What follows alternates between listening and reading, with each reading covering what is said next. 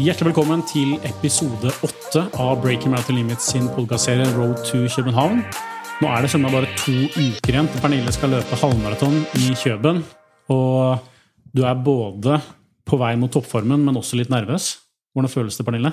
Nei, jeg kjenner på nervene nå, ja. Det er det jeg sier hver gang vi begynner å prate om eh, Kjøben, som nå er eh, flere ganger i uka, så, så kjenner jeg på nervene. Men eh, jeg har skjønt at det kanskje egentlig er greit. Blir Ja. litt skjerpa? Jeg vil tro det er ganske positivt. Eh, nå er det jo som sagt da bare to uker igjen. Eh, vi sitter her da litt grann tidligere enn vi pleier å gjøre, ettersom vi har vært så heldige og fått med en, en gjest i dag, Sylvia Norskar. Eh, så i dag så spiller vi inn altså før du har gjort ukens langtur. Men vi kan jo begynne med å gå gjennom det du har gjort så langt da, denne uka. For når vi snakka sist, så introduserte jeg jo eh, uka som, som leder opp da, til at det er 14 dager igjen til løpet. Og da, da starta med at du skulle løpe en, en lavterskeløkt som skulle gjøres ganske eh, konkurranselik i form av at du løper på asfalt og ganske flatt. Så fem ganger to kilometer rundt halvmaratonfart. da. Hvordan, mm. hvordan gikk det? Jo, det gikk, ja, det gikk jo egentlig til planen, det, da. Bare at det gikk litt fortere kanskje på de siste draga. Eh, begynte på firefart og mm, tok de siste draga på nærmere 3.50-fart. Men det følte Jeg begynte liksom etter, etter to drag så begynte jeg liksom få litt uh, futt i beina, følte jeg. Så da tror jeg at jeg la opp eh, økta riktig. Uh, og det føltes bra, så da tenker jeg at det er greit å uh, kunne ha litt høyere fart på de siste draga. Når du sier at det går litt fortere enn tenkt, er det da at det går litt fortere enn det burde? Eller er du i litt bedre form enn du tenkte på forhånd? Godt spørsmål. Uh, nei, jeg eh, hadde jo planer om å legge meg på fire blankfart på alle draga. Så, og at det da gikk litt fortere på det siste. Da, ja, jeg føler meg veldig ok form, da. Ja, det er lovende. Det er et bra tidspunkt å, å begynne å pike på formen. Eh, men ja, du kom jo godt fra det. La inn en styrkeøkt dagen derpå. Eh, og en, en rolig halvlang med noe stigningsløp. Mm. Og så var det jo lagt opp til en skikkelig tålmodighetsprøve da, eh, på mølla. Du skulle løpe 40 ganger 45-15. Ganske mange flere drag enn det du gjorde tidligere. Hvordan opplevde du den økta der? Eh, nei, for det første så kom jeg ikke i gang med den økta før klokka seks på kvelden. Eh, Det er vanligvis litt, eh, litt for seint for meg, for intervaller i hvert fall. Eh, jeg hadde liksom grua meg litt til den økta. Eh, følte ikke at Jeg hadde sovet litt lite eh, natta den dagen og følte meg liksom ikke helt forberedt for en sånn økt. Eh, men når jeg først eh, hadde spist godt og, og, og hvilt litt før den økta, så var det jo bare å komme i gang, og så føltes det faktisk ganske greit. Og da løper du på sats, ikke sant? Mm. Klokka seks. Det det er ikke helt nakent og blotta for folk der da. Nei, og da, da skal man i hvert fall være glad man er på mølla, da. Og ikke drive med styrke, for da får du får ikke gjort fullført en økt. Eh, Det tar jo en og en halv time ekstra. Eh, Så det er i hvert fall greit at eh, min mølle nummer tre på andre rad der sto, sto ledig. Og da er det Altså, man kommer seg jo Altså, klart, det er klokka seks, og det blir ikke noe kaldere der inne av at det er 1000 folk der. Eh, Så det er jo helt sydenstemning, men det, det går, fint, det. Hadde du blitt hungemeng hongemeng hvis noen hadde vært på din mølle? Eller hadde du stått og venta? Ja, da må jeg vente, da. Så da hadde du ventet. ja, jeg hadde venta litt, kanskje. Hvor lang tid har du å vente da? Når først klokka er seks, da? Kan du vente til åtte, liksom? Eh, Hvis det er noen andre da, som skal gjøre en sånn superøkt sånn som deg? Ah, jeg er faktisk litt usikker, for jeg har ikke vært i den situasjonen ennå. Det ordna seg sist gang der, for da var det noen som sto på de to møllene jeg pleier å bruke. da, eh, Men dem gikk jo av rett etterpå, så Nei, jeg vet ikke hva jeg hadde gjort, jeg, men eh, nei, jeg hadde nok tatt en annen mølle. Ja. Så seriøs er jeg ikke. Men eh, ja, som du var inne på også, det er jo mye folk. Det blir jo dårlig luftfuktighet der inne. Er, det du, er det noe du merker, er det noe du tar hensyn til når du har løper økta? Eh, nei, altså, jeg merker jo at Jeg trives jo kanskje ikke så godt i, varmen som jeg trodde at jeg gjorde. Det merker jeg jo ute også.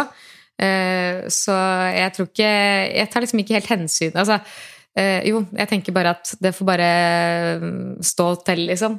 Og varmt er det i dag. Men mm. eh, jeg justerer egentlig ikke noe på fart eller noe, hvordan jeg legger opp økta i forhold til at det er varmt, da. Men mm. eh, det skal jeg tåle. Det, man har jo løpt i Syden i mye varmere temp enn det òg, så det, det går bra. Men eh, for å ta, ta oss litt gjennom den økta, da. 40 drag, det er jo en skikkelig tålmodighetsprøve. Eh, Hvordan, hvordan innstilte du deg på det mentalt, og hvordan følte du gjennomføringa gikk? Eh, nei, da, ikke sant? Det var det mentale. Da tar jeg bare ti og ti drag av gangen. Bare for å liksom Da tror jeg at det er lettere å komme seg gjennom den økta. Eh, og så er man jo veldig fornøyd når man liksom er halvveis der. Eh, men, eh, så jeg tar eh, ja, eh, ti drag av gangen og bare motiverer meg litt sånn. Og så hadde jeg sett for meg hvilken fart jeg skulle ligge på fra start, og det funka liksom fint. Da, da løp jeg på 16,1 til 17 på de første ti, og så holdt jeg meg på 17 på de neste ti. 17,1 eh, til 18 på de neste, og holdt meg på 18 på de siste ti. Ja, og det følte jeg at var en sånn Ja. Det, at, det, at man liksom Når jeg var på 17 der, så er det helt greit å bare holde seg på 17 i ti drag. Eh, for det føles fint. Og så samme på 18, da. Trenger ikke å Jeg følte liksom at det var greit på Og så når det bare er ti drag igjen, da, da kommer du deg alltid gjennom økta, liksom. Eh, for da nærmer du deg mål, og, og, da kan man jo liksom legge på litt ekstra på den mølla, men uh, ja, da safa jeg heller og holdt meg på 18. Ja, det vil jeg si er ganske høy fart også. Altså det er jo, Da nærmer deg jo 3.20-fart. Jeg vet ikke om. Er du i stand til nå å løpe en 5 km på 16,40? I så fall er jo det 5 ja, km fart. Det er ganske hurtig, da.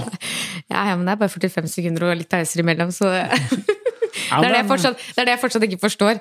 At uh, når jeg løper uh, intervallene mine på uh, en ok fart, da, og så Eller ja, alt er relativt. så skal jeg løpe Ha den farta på et helt halvmaraton, liksom. Det, det, er jo fortsatt uforståelig for meg, men uh, ja.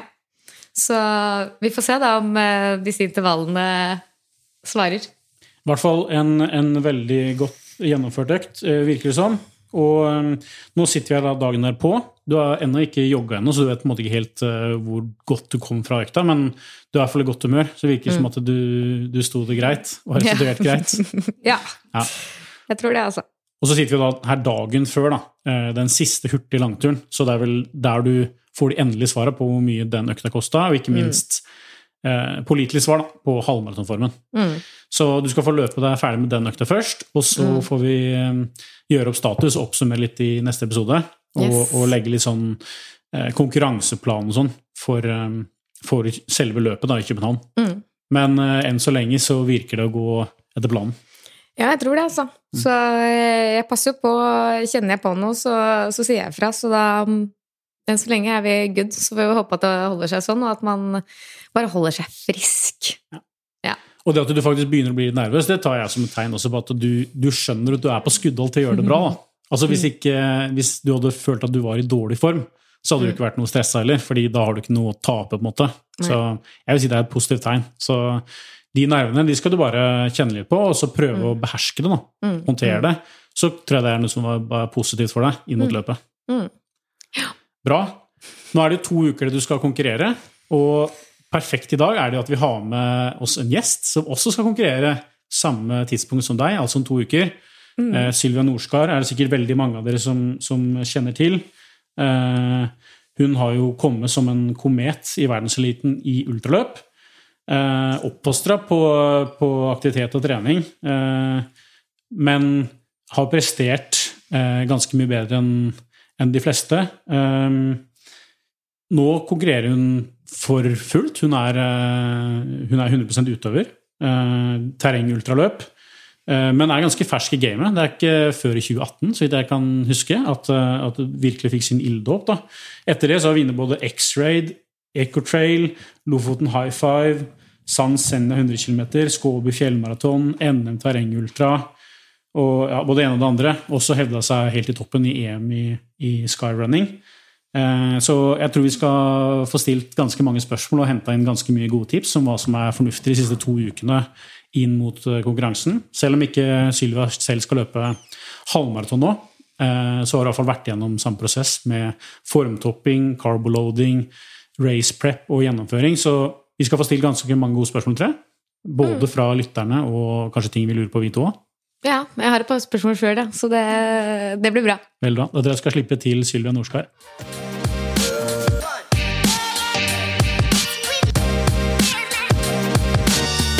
Hjertelig velkommen, Sylvia Norskar, Tusen takk. Veldig stas å være her. jeg tror veldig mange av de som lytter, vet veldig godt hvem du er. Men eh, jeg syns alltid det er interessant å stille spørsmålet til, til gjesten sjøl. Om, om, du kan kanskje forklare litt hvem du er, hva du gjør, og litt om løpebakgrunnen din? Ja. Jeg heter Sylvia Norskar, og jeg vokste opp i Lommedalen eh, med en veldig sporty familie, så har nok blitt dratt med på tur fra jeg var liten av med tre eldre brødre. Nå driver jeg da fulltid med fjelløping. Så har jeg gjort det siden mars, så seks måneder nå, og syns det er helt fantastisk. Uh, ja. Og tidligere så jobba du i, um, i, Oslo i Cognite, IT-selskap. Uh, og da har du vel også ganske mye gode tips og triks til de som lytter. De fleste her er jo eh, mosjonister som balanserer med, med jobb og og hverdagsliv, familie og alt mulig sånne ting. Men nå er det jo 100 utover. Hva er liksom store forskjellen for din del nå versus da? Ja, har, det var jo egentlig jobbtilværelsen som gjorde at jeg startet med løping. Jeg har vært langrennsløper tidligere, men da jeg startet å jobbe, så var det ikke så mye tid til overs, og da var det veldig enkelt å finne frem løpeskoa. Så jeg har jo mye erfaring med hvordan man kan få skvist inn mange gode kvalitetsøkter og også bli relativt eh, sprek med, med mye jobb ved siden av. Men nå er nok den, den største eh, forskjellen er at jeg har mye mer tid. Så mm, det blir jo naturligvis litt mer trening, men mest av alt bedre restitusjon. Så jeg tror nok det er det som har gjort at jeg på en måte har klart å ta et eh, steg nå, da. Hvordan merker du det? Får du liksom mer kvalitet i treninga? Eller? Ja, jeg har, eh, har, mer overskudd når jeg trener, og føler at eh, ja, jeg kan kjøre på mer. Eh, veldig sjelden at jeg har den følelsen At jeg ikke har overskudd og ikke føler meg klar til øktene, fordi det er på en måte hovedmålet, da. Mm. Um, og så er det jo også en litt tålmodighetsprøve, eller i hvert fall i starten, for jeg er jo en uh, dame som liker å gjøre mye. Så det må av og til få liksom bli litt påminnet på at det er viktig at du restituerer når du skal restituere. Det har vært på godt og vondt for din del, Pernille, det å bli proff utøver som levemenneske. Det skulle bli tålmodighetsprøve. Ja. Men uh, ja, hvilke restitusjonstiltak er det du måtte fokusere på? Er det bare å ligge rett ut og la tida gå, eller er det noen aktive ting? Um, jeg fokuserer veldig på å få i meg næring fort etter økt. Det er jo en ting som kanskje slurvet eller ikke hadde noe fokus på da jeg jobbet. Da var det på en måte eh, ja, treningen som var fokuset. Så det tror jeg er kjempeviktig for å starte restitusjonen rett etter eh, trening. Um, og så, ja, er det jo egentlig ikke Er det å ligge litt nedpå av og til, ja. Mm. Uh, så hvis jeg kan ta en nap, så kan jeg gjøre det 20 minutter midt på dagen. Um, og sitte mer enn å gå rundt hele tiden. Mm. Jeg hørte jo nylig et uh, intervju da, med fersk verdensmester på 1500 meter, Josh Kerr. Og han, seks uker før uh, VM-finalen, så hyrer han på en, uh, en, kokk som la opp en ernæringsplan for de siste seks ukene i, mm. til grammet. altså. Så han ja. fikk i seg riktig mengde og riktig sammensetning og innhold på, på kostholdsbiten. Eh, går du så eh, nøye til verks, eller eh, litt mer på slump? Absolutt Ikke. Det hadde vært deilig da, å ha en kokk som satte opp fullt program. Nei, jeg gjør ikke det. Men jeg elsker å lage mat, så det blir jo litt mer Ja, mye surdeigsbaking hjemme. Og det er ja, så jeg gjør ting jeg trives med hjemme, men som ikke på en måte krever så mye energi. Man kunne jo fort ha stukket på man har tid å dra på Ikea og fikse og sånn. Det er liksom det dummeste man kan gjøre, tror jeg, restitusjonsmessig, da. Det er vel det verste du kan gjøre sånn uh, uansett. Ikea det er jo helvete på jord, men det får være en annen podkast. Ja. Men uh, du løper jo ekstremt lange løp, og det er jo da ekstreme behov for ernæring både i forkant og etterkant og underveis i løp. Og det tenkte jeg kunne være interessant også å ta litt med deg om, for i innledninga til den podkastserien så fikk vi veldig mye lytterspørsmål om ernæring. Eh, både i forkant og underveis i løp. Og her har du veldig mye god erfaring, og nå er det 14 dager også til du skal løpe sjøl. Er det noe spesielt du fokuserer på nå de siste 14 dagene, eller begynner på en måte en sånn carboloading først de siste ja, kanskje fire dagene? Ja, eh, først og fremst så løper Denne sesongen så har jeg bestemt meg for å satse på denne Golden Trail World Series. Og da er det faktisk de lengste løpene 44 km, så ikke hatt noen sånn skikkelig ultraer i år, da. Mm. Hvor det virkelig er på en måte viktig. Men det er jo langløp. Vi konkurrerer jo mellom tre til fem timer. Eller sekk, ja. Så i forkant så, så, gjør jeg egentlig ikke noen endringer på kostholdet mitt i, i hvert fall ikke to uker før, men kanskje de siste eh, 48 timene, da. Mm. Um, men det er ikke store endringer, det er bare snakk om å ha litt mer fokus på at man får i seg nok karbohydrater, og, og at, væske, at, man har god væskebalanse. Da. Så jeg ja, prøver å kutte litt ned på liksom, salater og mye fiber, men heller gå mot eh, litt eh, ja, enklere, raskere karbohydrater som kommer lett gjennom systemet. Da. Mm. Og Det er sånn veldig gjenkjennbare ting å snakke om. men sånn, Det er jo i teorien, men sånn rent praktisk, hva, mm. hvordan legger du da opp for å få i deg ekstra mye karbohydrater? Eh, da spiser jeg litt oftere. Eh, så spiser kanskje hver, hvert fall hver tredje time. som i litt mindre måltider, kanskje, og litt oftere. Eh, spise, fokus på å spise en god frokost, i hvert fall. Sånn at man eh, ja, føler man liksom har fylt på tidlig, og så heller ha en Trenger liksom ikke ha den største. Er mange som tror jeg venter til middagsmåltidet. Men det kan jo ofte gå utover søvn og jeg tenker det er viktigere å på en måte fylle på tidligere, og så kan man ha en vanlig middag. Um, ja, kanskje Bra. litt kvelds. Og hva med væskebalansen? Er det sånn at du eh, også carboloader i form av væske, f.eks. å bruke sportsernæring, som du tenker å bruke underveis i løp, eller? Eh, jeg drikker ofte en liter med sportsdrikke liksom, sånn kvelden før. Ellers mm. bare vanlig med vann, eller det jeg vanligvis drikker. Mm. Mm. Hører du, Pernille? Du har jo vært litt sånn nervøs for, eh, for kostholdsbiten sånn i forkant. Det, det, kan jo gjøres ganske enkelt også. Det er ikke noe hokus pokus. Jeg vil jo si det er sånn Du som er vant til å trene ekstremt mye også, Silvia, når du da bare reduserer litt på treningsmengden, så blir det på en måte en sånn naturlig også form for carboloading. da. At du, Hvis man spiser noenlunde det samme som du er vant til, så, så loader man på en, på en, altså i større grad da, enn man er vant til. Mm. Gir det blir du, litt tryggere? På... jeg blir litt tryggere nå, ja. Føler, altså jeg, for jeg føler at kanskje mange liksom endrer mye. Og at det er sånn drastiske endringer, kanskje, når det nærmer seg løp. Men eh, det her høres jo bra ut. Da kan man jo Ja, kanskje jeg skal gjøre litt av dette, da, så får vi se hvordan det, det går på løpsdagen. Men eh, Kvammen anbefalte jo også sportsstrikk mm. Eh, kvelden før. Så det er vel, nå, er, nå er det gått litt igjen her, så det, det skal jeg i hvert fall, uh, hvert fall gjøre dagen før. Ja, Vi har jo snakka om det å dra ut på sånn pastaparty kvelden før, eh, ja. på restaurant. Du er ganske, du er ganske proff da hvis du stiller opp med egen uh, shake. Ja, det, det, skal jeg gjøre. Inn på Manga i Kjøben med egen shake. Da, det passer bra. For Jeg tenkte kanskje jeg skulle ta meg et glass rødvin, men kanskje jeg må stille med sportsdrikke der, jeg òg? Mm, ja, det tenker jeg du må. Ja. Nei, men jeg syns jo det er litt interessant at, uh, at, det er så mange som syns dette med ernæring er så interessant, fordi mm. det er sånn, det er snakk om et halvmaraton og skal løpe en og en halv time. Jeg ville brydd meg mye mer om den treningen man gjør i forkant, og, mm.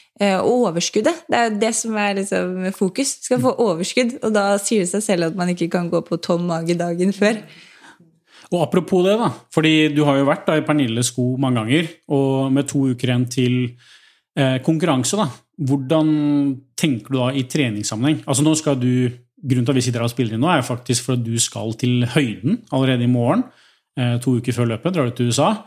Eh, og det er jo Én ting er jo sånn akklimatiseringsgreie, og noen drar selvfølgelig til høyden også for å eh, Altså i forkant av et løp for å, å pike formen. Men sånn utenom det, på en måte, sånn i treninga og hva ellers du fokuserer på de siste to ukene, hva, hva blir viktig også for Pernilles del her?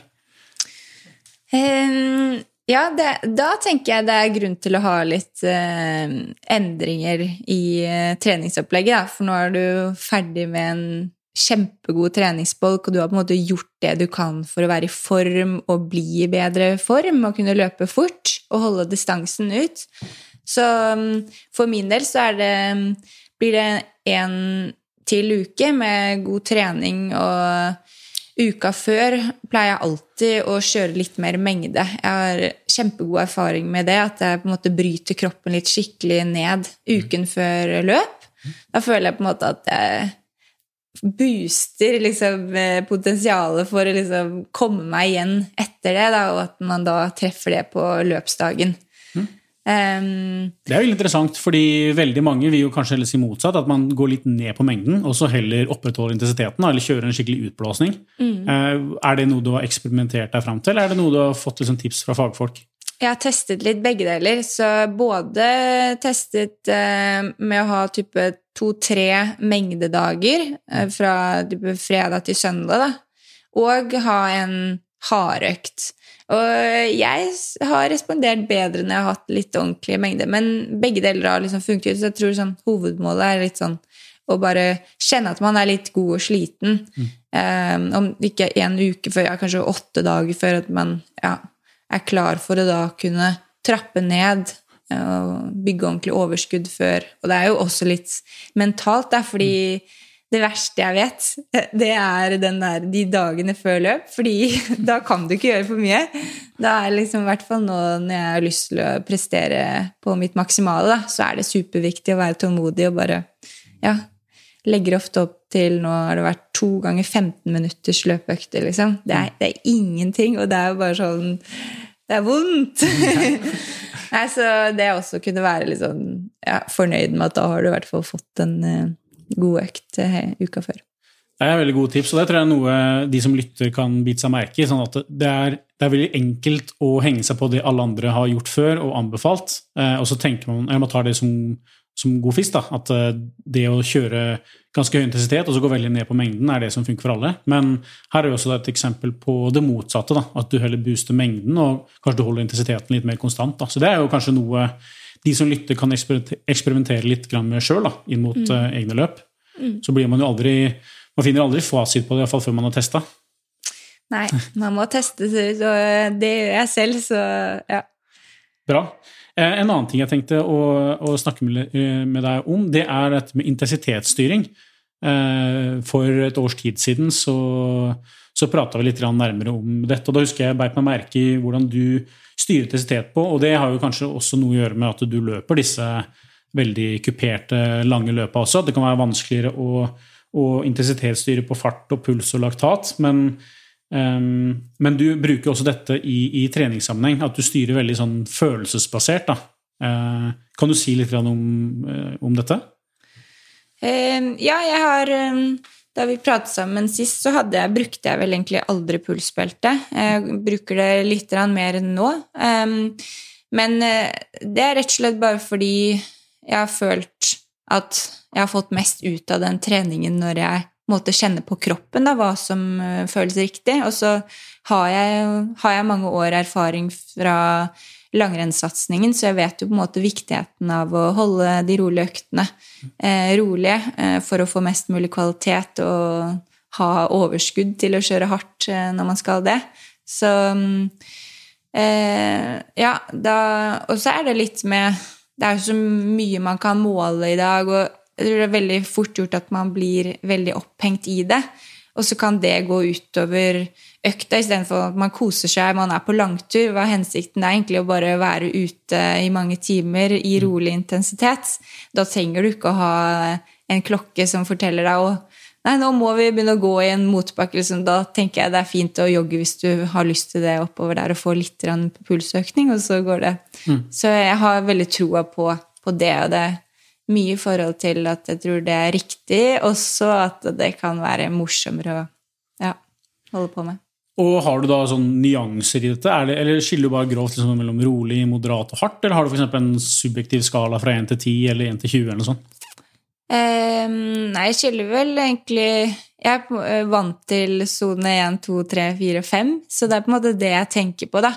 Om det er en uh, rolig langtur i sone 1, eller om det blir litt Kanskje man kjører på litt mot slutten og er oppe i sone 2. Så, så er jo terskeløktene det er sone 3, og så er det Ja, hvis det er tøffe økter, så er det 4 og 5, da. Mm. Mm. Og du med bakgrunn fra fra langrenn og ulike treningssystemer, både tøft regime i USA, men også langrennsregime i Norge. Du, du har kjørt inn hardøkter også opp igjennom? Ja, det var noe Det var, ja som vi, vi, snakket vel om det forrige gang, og det var eh, ganske mye mer av de sone fire-fem-øktene eh, som langrennsløper. Og jeg var nå og tok eh, eh VO2 Max-test eh, på mølla mm, forrige uke. Og da var vi oppe i den uh, sone fem, og da tenkte jeg bare å fy fader, jeg er glad jeg ikke må liksom trene oppi her. og det må man heldigvis ikke for å øke VO2 maks, da. Men uh, nei, det er vondt. Jeg er uh, veldig troa på terskeltreningen. Mm.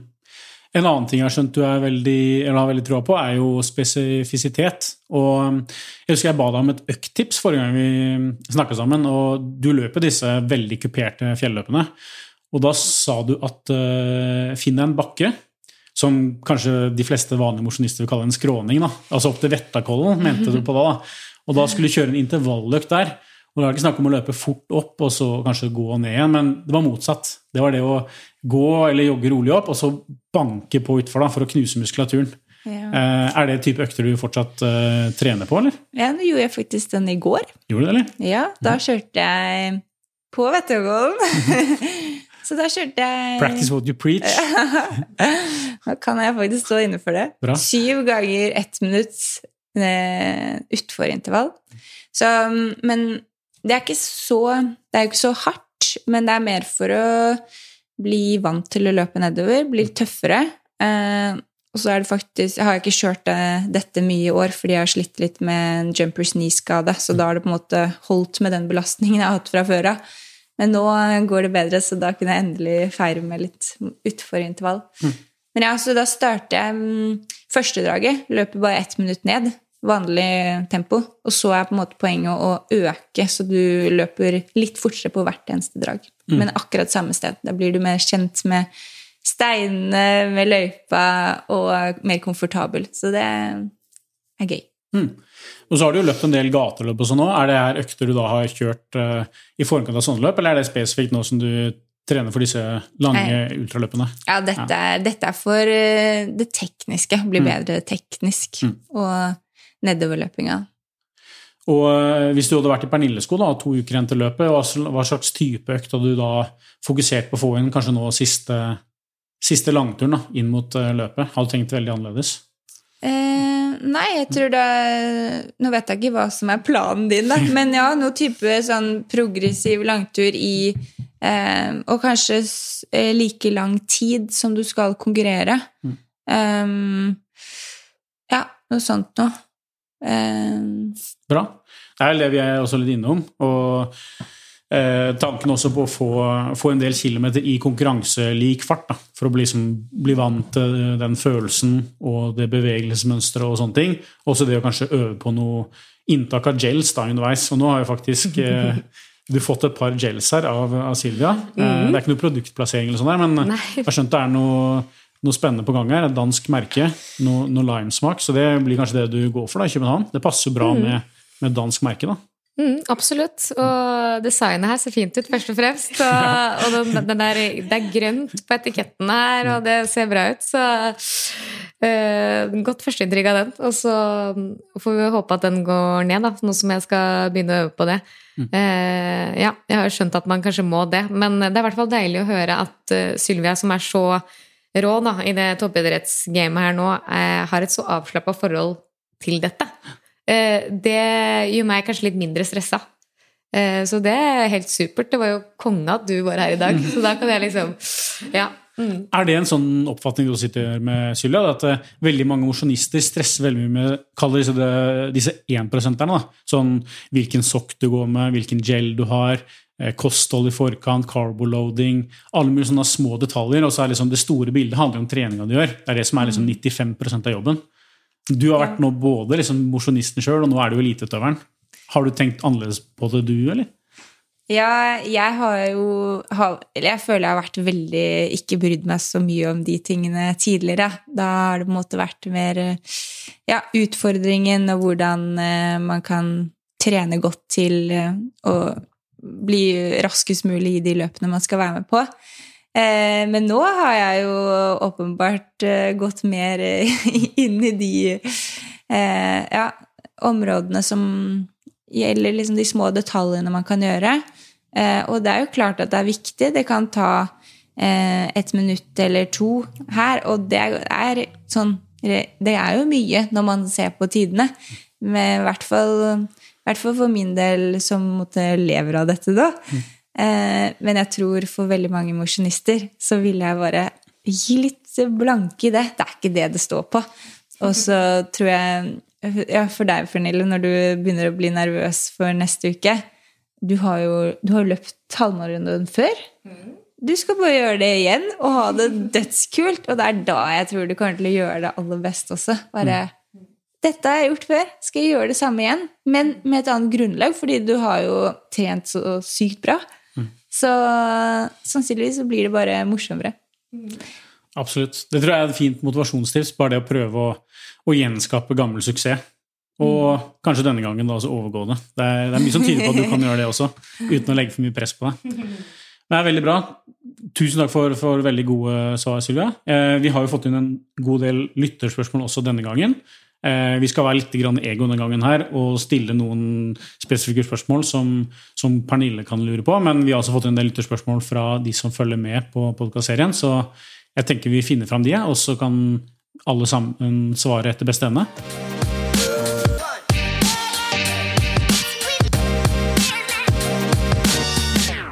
Ja, det er jo mange som eh, har spurt om eh, denne halvmaratonfarten, da. Eh, det er også venner av meg, vi har diskutert dette litt, men, men eh, når jeg snakker om at jeg legger meg på halvmaratonfart på intervaller, eh, så er det jo litt vanskelig å si hva min halvmaratonfart er, også for andre, da. Eh, og hvordan man liksom legger, eh, legger opp treninga etter det. Men eh, ja, hva, hva er dine tanker rundt, rundt det? Em, mine tanker Det er mine tanker, altså ingen fasit. Ja, Du kan godt legge fram fasit òg, men eh, litt refleksjon er iallfall fint. Nei, jeg tenker at de fleste som skal løpe halvmaraton, har nok gjort en del hardøkter, og da latt seg merke hva, hvilken fart man løper på. Da ville jeg tatt utgangspunkt i det raskere sjiktet av den farten, fordi man gjerne klarer å pushe seg mer i konkurransesammenheng. Åssen type økter er du spesifikt da ser ut på? Er det 1000-metersøkter, eller? Ja, så for eksempel 1000-meterøkter, eller hvis man Ja, det kan også være lengre hvis man løper 3000 meter. Ja. Um, Veldig klassisk er f.eks. 10 ganger 1000 med ett minutt pause. Vil du da sett på snittfart da, for eksempel, på disse 10 ganger 1000, og så ansett det som typ halvmaratonfart i konkurranse, eller hvordan tenker du det? ja. så, em, og så spørs det jo selvfølgelig hvor mye du tar i på disse 1000-meterne. Men eh, hvis man løper på terskel, så ville jeg nok vært i de, de raskeste Sett på farta du har i de raskeste dragene. Mm. Eh, Men så er det jo mange som kanskje pusher all ut på de siste drakene. Og da er nok den farten litt rann, eh, for rask, så da er nok et gjennomsnitt eh, mer realistisk. Ja. Og så kan man jo kanskje også legge til det at det er jo litt sånn ulikt hva slags type løp man er. Og har man bakgrunn fra f.eks. fotball, da, som er veldig sånn start og stopp, så kan man bli veldig god på intervalløping. Løpe veldig fort på 20 ganger 400 eller 8 10 ganger 1000. Og så er det noe helt annet å løpe eh, sammenhengende løping. Da. Så det er også kanskje noe man må, må eh, ta med i beregninga. Og man finner faktisk ikke halvmaratonfarta før man løper halvmaraton i konkurranse. Men jeg syns det er et veldig fint tips at du kanskje tar utgangspunkt i en sånn 10 ganger 1000, rundt terskel, ett minutt pause, og bruke det som utgangsfart. da. Det er fint. Og så er det jo Ja, når dere skal løpe, så løper man jo i grupper, og man er ikke der helt alene. Så jeg tror det er viktig, i hvert fall man har gjort seg opp før man starter en mening om hva man skal løpe på. Det har man jo, for man må det. Eh, Og så løper man der. Og husker på at det er mange Det er flere minutter man kan ta på slutten. Så hvis man på en måte har eh, ja, løpt kanskje litt saktere enn man egentlig kunne, så er det godt å vite at det kommer tidsnok for å ta seg ut. Så jeg tror det er eh, ja, verre andre veien. måte, Hvis du har vært altfor offensiv, og så tap, da går minuttene fort på slutten. Og, for, for Pernilles del nå skal hun løpe halvmaraton, og alle kilometerne er jo paddeflate, helt like, og målet er å løpe under 1,25, så da blir det jo fire blanke snittfart. Men når du løper disse ultraløpene, så vil det jo være kanskje noen tusen høydemetere. Du er ute i fire-fem timer. Eh, du kan på en måte ikke disponere lik fart hele veien, eller du kan gjerne prøve på det, men da blir jo intensitetsstyringa veldig skjev. Da. Hvordan legger du opp eh, når du løper disse lange, kuperte løpa? Um, ja, jeg fokuserer veldig på overgangene og de ulike Så deler opp løypen i de ulike type um, uh, terrengene vi er i, hvor lange bakkene er. Eh, noen steder er det ekstremt teknisk hva man skal fokusere på da. Da er det ikke å fokusere på fart i det hele tatt, ikke sant? Og Eh, eller nedover. Og, og, så er det andre mer løpebare Plutselig Det er jo flere av løpene vi er på asfalt i to-tre kilometer også. Um, så da er det jo Men jeg fokuserer veldig mye på teknikk. Uh, mye på frekvens oppover, for da vet jeg at jeg løper lettere og mer økonomisk. Mm. Um, og nedover er det åpenbart å bare ha full fokus og pushe hardt, for da løper man uh, fort. Men så er det jo disponeringen, eh, og det har jeg blitt mye bedre på. I fjor hadde jeg mange løp hvor jeg gikk på smellen, og det var ikke så hyggelig de siste, siste timene, gjerne. Så eh, Og det er å ha is i magen, og det generelt til mange mosjonister, så er det jo Vil jeg faktisk anbefale å være kan ha, ha, litt is i magen, fordi opplevelsen blir ofte veldig mye bedre når man kjenner man kan bare dra på på slutten og hente plasser, istedenfor å være den som blir løpt ifra. Veldig mye mer motiverende. Er ikke det fint å høre, Pernille? Jo, det er, det er, det er veldig, veldig, bra. det her. Jeg blir litt mer avslappa når jeg hører det her. Så, eh, og så er det jo veldig fint at Eh, at man kan trenger ikke ha de tvangstankene når man står på startbar sånn ok, hvis jeg ikke holder meg på den farten jeg har planlagt helt fra start nå, så, så ryker hele løpet, liksom. Men man må bare ta det litt som det kommer ut i løpet. Eh, og også klart dagsform òg, da. Det sier seg selv at den er jo forskjellig fra dag til dag. Eh, det, men ja, det var det jeg skulle si, at man får litt lave skuldre når Eh, eh, F.eks. når jeg løp Birken, da. Eh, og da tenkte vi jo alle sånn Nei, nå orker vi ikke å styre så mye rundt det her. Prøver ikke å tenke så mye på det. Vi spiser det vi vil ha til frokost. Da spiste vi egg og bacon. Det har vi jo hørt før. Og da følte jeg at alt klaffa, da. Men da hadde jeg jo bare Da ble det jo så klart litt mindre nerver òg. Jeg fikk jo ikke hold. Det kan ha en sammenheng. Jeg vet ikke. Men da føltes det mer avslappa. Da Kanskje, kanskje, man Jeg vet ikke. Hva, hva tenker du rundt det? Jeg tror det er kjempeviktig å minne alle, alle som skal løpe i København, på at uh, hvorfor drar man dit? Det er jo for å få en kongeopplevelse. Og, og da hvis man skal på en måte ødelegge hele turen og alt med fordi man har et kjempestrikt program man må følge, så er jo det synd. Og det tror jeg på en måte mer negativt enn eh, positivt. Hvis du reiser ned og har det gøy med venner, og så er du avslappet, og så løper du et eh, bra løp. Og også det vi snakket om i forhold til disponering. Hvis du sammenligner løpet ditt du hadde løpt starter altfor hardt, du begynner å hate på det, og så blir det egentlig bare verre og verre. Du kommer inn i mål, og så har du fått en tid, og så er du egentlig Fader, det var bare dritt. Eller så løper du et annet løp, du har disponert litt bedre, og så Fader, jeg har jo mer å gå på. Jeg kan jo bare kjøre på. Shit, det her treningen jeg har gjort, har jo bare virkelig gitt resultater. Så kommer du i mål, kanskje på samme tid da, som du gjorde på den forrige.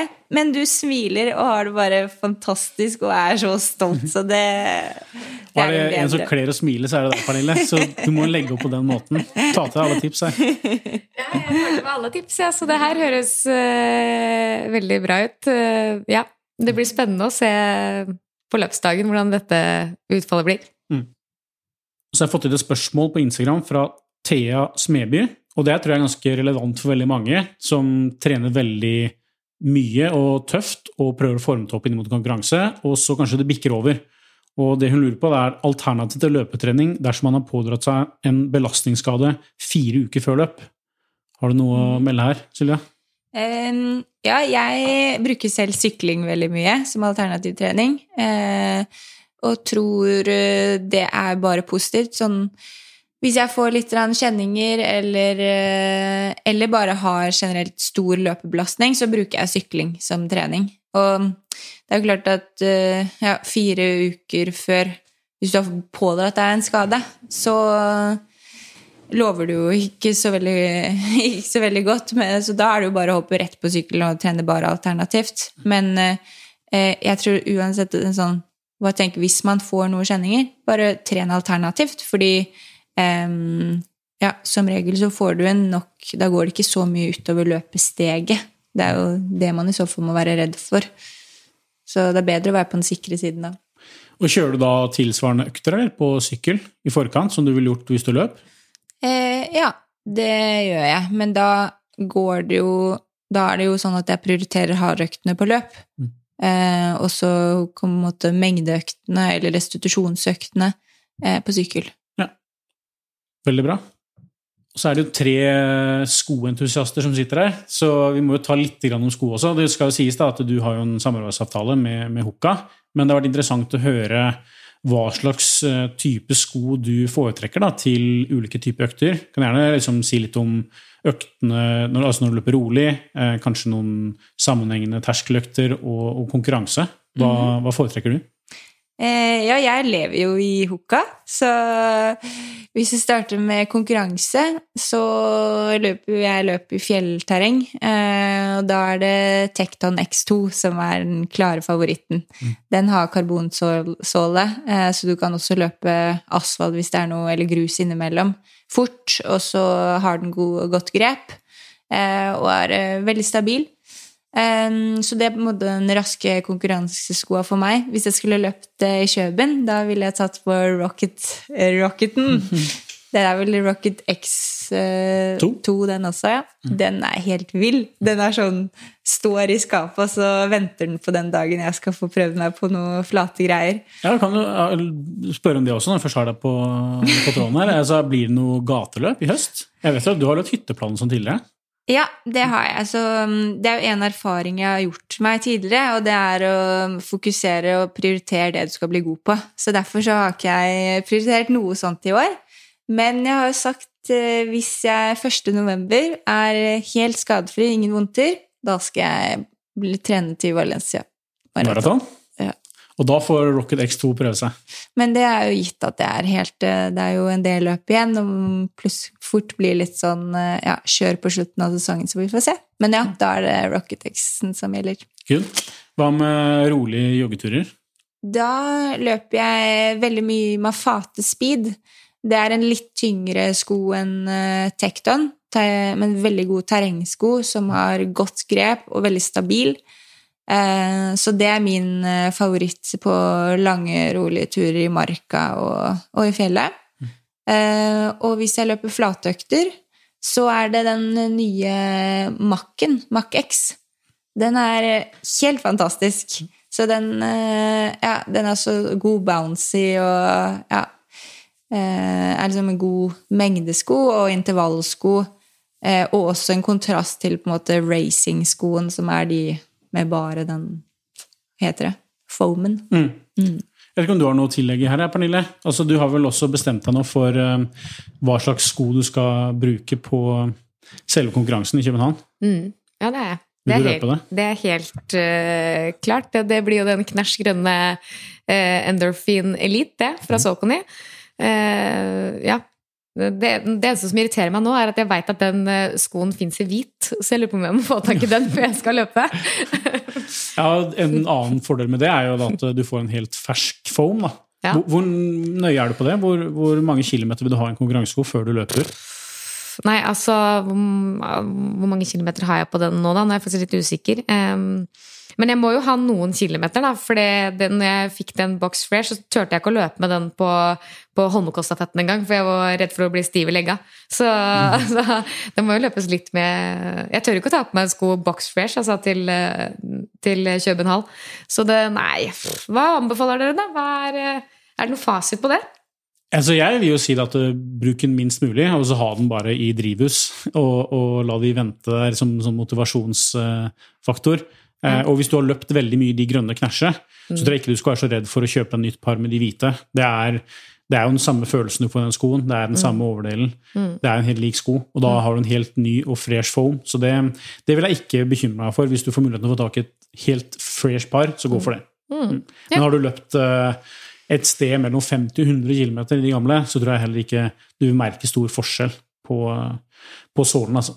Nei, Mm. Men har du løpt mange hundre kilometer, så vil jeg unnt meg å ha det som et veldig godt treningspar til å gjøre liksom, de spesifikke øktene nå i forkant, Mm. og heller unnt meg et uh, nytt par med, med racingsko. Mm. For um, løping er verdens enkleste idrett, og det er heller ikke den veldig store utgiften. Hadde du drevet med golf, da, Mm. så er en driver jeg vet kan koste mellom 5 og 15 000. Det er ikke så, da er jo løping ganske billig i sammenheng, nei, Mm. sammenlignet med det.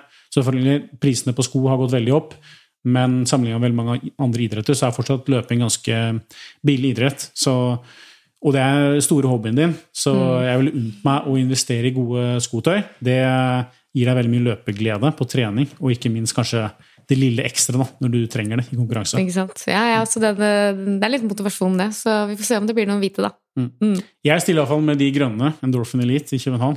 Ja, Vi må kanskje matche, da. begge må ha de hvite. Vi får se Vi får se hva vi gjør. Og så må dere jo passe på å få dere et par sånn recovery slippers, da. Ja, Ja. Det, det, det må man ha etter løp. Ja, fordi Pernille la ut et bilde. Det var en som løp en langtur rundt Maridalsvannet med noen sånne slippers. Jeg vet ikke om det var noen sånne recovery-varianter, men hva er greia med disse recovery-slippersene? Nei, det er bare veldig behagelig etter du har løpt løp, og i hvert fall hvis man løper lengre løp og har mye blemmer og eh, ubehag på tærne. Så mm. Er det de du går med også nå? Nå skal du jo på en Jeg vet ikke hvor lang flytur det er over til USA, men det kan jo bli åtte-ni timer, kanskje. Er det de du går med da inn på flyet også? Kanskje. Vi får se. Bra. Ja, og så er det ei som lurer på um, Jeg vet ikke om det er spesifikt eh, kanskje til deg, da, men eh, hvilke styrkeøvelser du bruker eh, mens du trener og løper så mye eh, for å forebygge skader? Jeg kan i hvert fall dele én eh, styrkeøvelse som jeg har blitt eh, glad i, og som kan gjøres uten apparater. Og det er eh, for å styrke hofta, som jeg tror, i hvert fall for min del, er det aller viktigste. Eh, Og det er Da ligger man i sideplanke eh, på kne. Eh, Og så er det hoftehev, da. Så det er hoftehev på kne i sideplanke. Eh, Så kan man liksom kjenne på den hofta som ligger ned mot bakken. Da. Det er der du skal på en måte tas. Så mm, den er det bare å gjøre så ofte man vil. Er det noe som setter høye krav til balanse sånn, eller? Nei, ikke noe balanse. Så ett kne nedi Mm. og en sidelengs planke. Mm. Og da Hvordan eh, bevegelsesmønster, sa du? Da eh, beveger du hofta opp og ned, så opp mot taket. Ja. Mm. Er dette en, en øvelse som også passer seg i midtgangen på flyet over til USA? Kanskje når Jo sover. Det blir i hvert fall litt tøying og strekking og spaserturer i midtgangen der, ja. Veldig bra. Ja, jeg er jo selv veldig opptatt av søvn og snakker mye om det. Eh, For meg er det viktig å liksom få inn åtte timer om natta, og, at det skal være, litt kvalitetssøvn. Eh, Og derfor ikke jeg, å da ikke prøve å trene så seint på, på kvelden, og ikke spise så seint. Jeg vet ikke, hva har du Hva er dine tips og triks rundt eh, å tilrettelegge for, for god søvn? Nei, jeg tror du er veldig inne på noe der. For det er jo om å gjøre å være rolig da, når man skal sove. Og eh, etter å ha trent og etter å ha spist, så setter du i gang prosesser i kroppen. Så det tror jeg absolutt er kjempelurt. Um, og, men mer sånn før eh, løpet, eh, så tror jeg en viktig ting å huske på er at veldig mange sover dårlig dagen før løpet. Og det tror jeg ikke er så farlig. Da er man Nei, man er klar for å løpe, og bor du i København og kanskje eller sover der og du blir irritert over støy ute på gatene for det er man ikke vant til, og man blir stressa at nå skal jeg lue opp om bare fem timer. Det går bra. Den søvnen tar man eh, tidligere den uka, og så tenker at det er bra. Nå er jeg, nå er jeg så klar for å løpe. Men nå som det er da to uker igjen, da, eh, er det noe du eh, gjør spesifikt for å tilrettelegge for bedre søvn nå? Eh, ja, nå er det absolutt fokus på å få inn nok søvn, da. Eh, det reduserer jo risiko for å bli syk, som er eh, superviktig. Så nok søvn, altså legge seg tidlig, og hvis man har mulighet til å sove ut på morgenene, eh, så er nok det mitt aller beste tips. Mm. Og ikke gjøre noen større endringer der heller. Det, altså, når man er stressa, det er vel da man sover dårligst. Da jeg jobbet mye, så prøvde jeg å fokus på å ikke jobbe for sent heller. Eh, det er noe med hvis du kommer hjem fra jobben klokka ti og tar med deg laptopen også i senga, så er det vanskelig å få de Excel-arkene ut av hodene eller de pro problemene du sitter på. Så det er jo kanskje å ha et eller annet du kobler av med før du legger deg, eh, som du trives med, som man blir rolig av. Gode tips.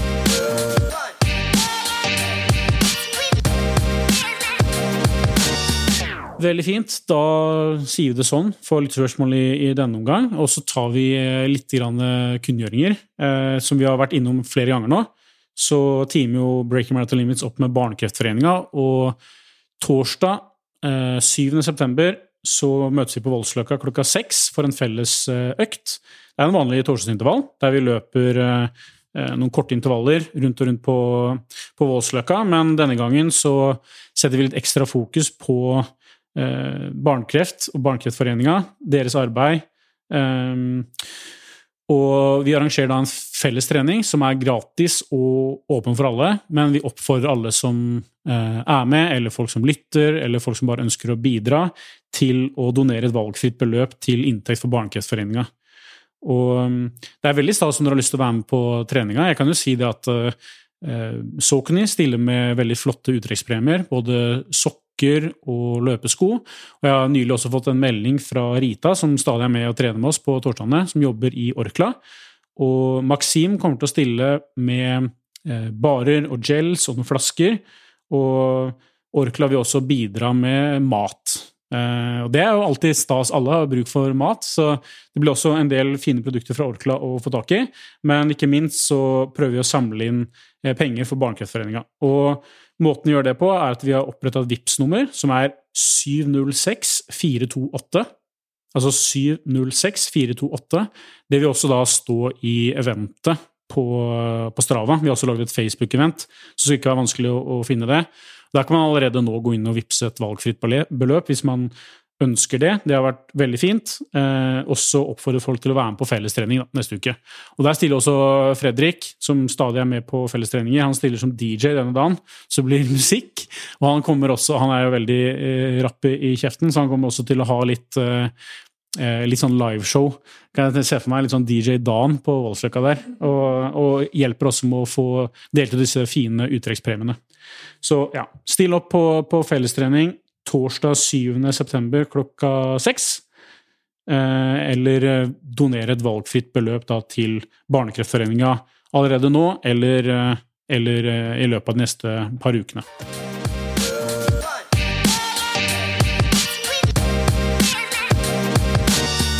Da tenker jeg vi avslutter denne episoden Pernille, med å se litt på uke åtte av ni på vei mot København.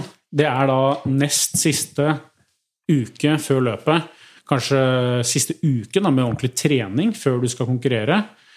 Eh, nå sitter vi her da rett i forkant av at du skal løpe siste hurtig langtur, så hvordan det går med den, får vi ta når vi møtes her i, i neste episode. Men eh, nest siste treningsuke, da, der eh, er jo sånn gjennomgangsmelodien at vi skrur litt ned på mengden. Uh, ikke noe vondt ment om filosofien din, eh, Silvia. Uh, men for Pernilles del denne gangen så skrur vi litt ned på mengden, og så holder vi intensiteten oppe på kvalitetsøktene. Det er en safe metode som, som ja, jeg regner med vil fremme litt overskudd. Altså fra å ha rundt 70 km i uka, så kutter vi noe ned til det står 52 som et sånt overslag. Og jevnt over noenlunde samme liksom, syklus på økter og sånn. Én styrkeøkt på tirsdagen der, en rolig halvlang på mandagen. Og så kommer liksom første ordentlig kvalitetsøkt denne uka på en onsdag. Og det er da en konkurransespesifikk eh, økt. Vi snakka i forrige episode om det å løpe en 10 km all out. Mm. Vi safer litt mer. Vi, vi, går ikke for et all out-løp.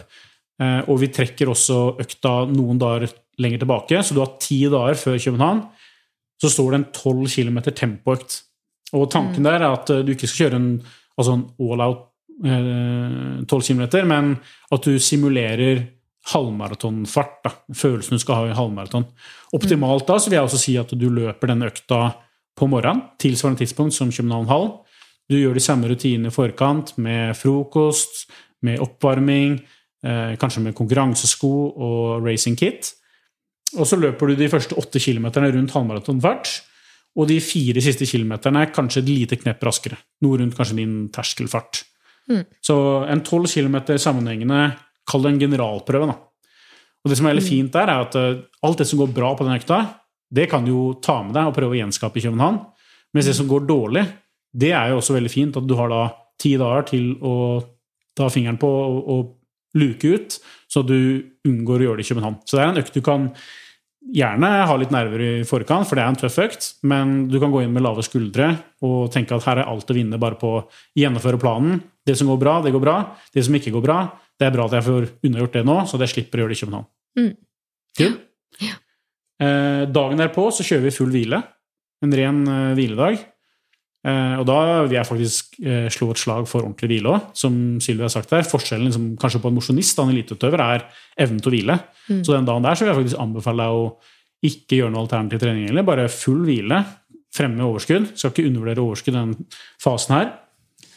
Så har vi fredag og lørdag to rolige joggeturer. Jeg har sagt eh, syv og fem kilometer, så det er egentlig bare ja, pluss-minus en halvtime for deg. da. Bare sånn helt lett jogg, noen stigningsløp.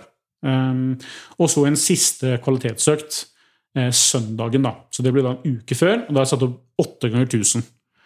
Eh, forskjellen her fra en vanlig sånn standard 8 ganger 1000 som du har løpt tidligere, er at eh, du løper annethvert drag på halvmaratonfart og annethvert drag på 10 km fart. Så det blir på en måte annethvert drag litt sånn moderat og annethvert drag ganske hurtig. Mm. Så oddetallsdragene på halvmaratonfart burde jo føles ganske komfortabelt. og Du får øvd liksom på den følelsen du skal ha der. Og så tar du litt mer på partallsdraga. Mm. Men mengden er ikke sånn eh, voldsom med 8 km kvalitet sammenlignet med det du har gjort tidligere. Mm. Er det noe du biter deg merke i denne uka, eller er det bare å glede seg til å Nei, jeg gleder meg til For meg så ser det ut som en litt sånn uh, behagelig uke. Endelig. Men uh, uh, ja, nei, den eh, Så lenge du er med meg på den onsdagsøkta, så føler jeg at det her eh, skal være veldig overkommelig. Ja. Mm, Jeg har sagt, det. eh, sagt meg villig til å, å bli med på den torsdagsøkta, så det skal vi nok eh, få til. Mm, ja. Du du. Ja, Ja, kanskje vi skal Det er kjempetips. Kanskje vi skal være en, en gjeng Nå er kom det- vi fra sida, jeg vet ikke om du det ble plukka opp på Ja, mikrofonen, men i hvert fall eh, Sylvia tok og tipsa da, om at du kan gjøre dette offentlig på et tidspunkt, så kanskje flere har lyst til å være med på den økta. Det er ganske mange som lytter også, som har planer om å løpe i København. Ja, der kom nerven igjen. For de som ikke da allerede følger Pernille på hennes Instagram, så kan du kanskje, du kan jo kanskje tipse om tidspunkt der, tid og sted. Mm, Og så kan de som har lyst til å være med og, og løpe på, på din eh, fart og din økt, Mm. de kan jo være med. Og så kan jeg ta ansvar for å pace denne gruppa. da. Ja, men Kanskje vi skal gjøre det sånn? Det er kjempetips. Ja, det jeg tips. liker jo, altså, vi liker jo å løpe i sosialt lag, så det er jo det, skal, det blir ikke så mye prating underveis her, men, eh, men før og etter det er helt supert, det. Veldig Det, bra. det må vi få til. Ja. Mm. Og det er en fin, eh, fin anledning. Sånn, dette er jo da samme helg som Oslo halvmaraton, så det må ikke nødvendigvis være folk som skal til København og løpe halv, som møter opp på din økt, men det kan jo være folk som skal løpe Oslo halvmaraton også, og Absolutt. kan få en tilsvarende eh, gjennomkjøring da, og Mm. generalprøve i forkant. Mm. Så det oppfordrer vi folk til å være med på. Absolutt. Da skal jeg dele, mm, dele i forkant ja, hvor det blir og når. Mm. Glimrende. Du har jo en hurtig langtur da, eh, i forkant av dette, som, som du da skal løpe i morgen. Mm. Det er da denne eh, økten som du har 16 km sammenhengende, men du løper 3 km i halvmaratonfart og en kilometer sånn flytfart underveis. En 20 km langtur. Så før vi skal ut på disse øktene, så har du den framfor deg. Mm. Men eh, nå har du to gels foran der. Yes. Skal du øve på litt inntak av gels på siste hurtig langtur? Eh, Det skal jeg øve på i morgen, ja. Det er planen. Så her får vi bare mm, se hvordan det går. Men det, mm, som sagt, det lover godt. Så ja, får håpe at eh, jeg får med Birgitte, Birgitte på økta i morgen, sånn at eh, alt blir litt lettere. Hvis ikke den daten allerede er, er eh, laminert, så blir det i hvert fall det nå, nå som outro på podkasten. Så Ja, ja, ja, noe valg. Hun er med. Skada eller ikke. Det er bare å komme seg opp på hesten igjen. Hun har vært litt skada, skjønner du. Så eh, nå er det bare å få inn en eh, litt hurtig økt, så, så er hun klar for Kjøben også. Bra. Mm. Jeg tror jeg vi snart også skal så legge på her, og så skal Sylvi også få lov til å komme seg videre. Du skal jo videre til USA nå. Eh, Får ønske deg masse lykke til, da. både med akklimatisering til høyde og de siste to ukene inn mot din konkurranse. Det er en ganske spennende periode du skal gjennom nå også. Ja, takk. Det tror jeg trenger. Det blir jo første gang for meg i skikkelig høyde. Vi skal jo løpe helt opp til 4300, så det blir heftige saker. Så vi får se hvordan eh, kroppen tåler det. Jeg er ikke noe høydedyr sjøl. Jeg snakker av erfaring som en eh, halv, halv, halvdårlig mosjonist som har stikket i høyden. Og respekter høyden, spesielt første syv til ti dagene. Der eh, det handler om å unngå laktat og bare jogge seg inn i det, akklimatisere seg. Så er det nok stress på kroppen, tror jeg. Mm. Det skal jeg ta med meg. Så får dere følge med på Golden Trail World Series. Da blir det en bra livesending på på kveldstida, da er dere på bankett, dere, da. Ja. da spørs det. Det er solskjerm. Ja, Det skal vi nok få, få rigga opp. Men uh, du får masse lykke til med det, og så håper jeg også at vi får uh, sett deg på noe gateløp også, da. Vi som Ja. er gateløpsentusiaster. Får sett deg på kanskje Valencia Marathon til høsten. Det var veldig spennende å se hva du hadde fått til der òg. Ja, vi får se det var, hva det blir til. Men eh, man må jo prøve det en gang. Og så eh, tror jeg nok at jeg trives aller best i fjellene. Men uh, det er jo superkult med det gateløpmiljøet som er blitt, og ikke minst det sosiale rundt det. Disse fjelløpene er jo stadig blomstring de også. Og ja, Sindre Burås, som er eh, en, en del av Break Metal Limits, var jo også nå i går da, og, og løp et eh, ultraløp. Og har fått in- inspirasjon fra han også. Så vi, vi leker litt med tanken kanskje om å kjøre en sånn Road to-serie med han også, inn mot eh, disse UTM, Ja. UTMB-løpene neste år. Det er jo ganske mange sånn nye detaljer da, som folk i gateløpsirkuset ikke har tenkt på før de begynner med ultra. Så ja, det er mye, mye og, og mange pakker å, å pakke opp, og mye spennende å ta tak i. Så du får, eh, du får kose deg med det, og lykke til med flyturen over. Hold deg sykdomsfri. Få på deg munnbind. Ja, det, det skal på, vet du. Og så må dere ha masse lykke til, og jeg gleder meg til å sjekke oppdatering når jeg våkner eh, to uker. Og sørg for å gjøre disse, disse øvelsene i, eh, i midtgangen på flyet mens typen sover. Så blir det grusomt flaut. Yes. Nei, lykke til, og takk for at du stilte. Det var glimrende med, med gode faglige tips. Veldig koselig.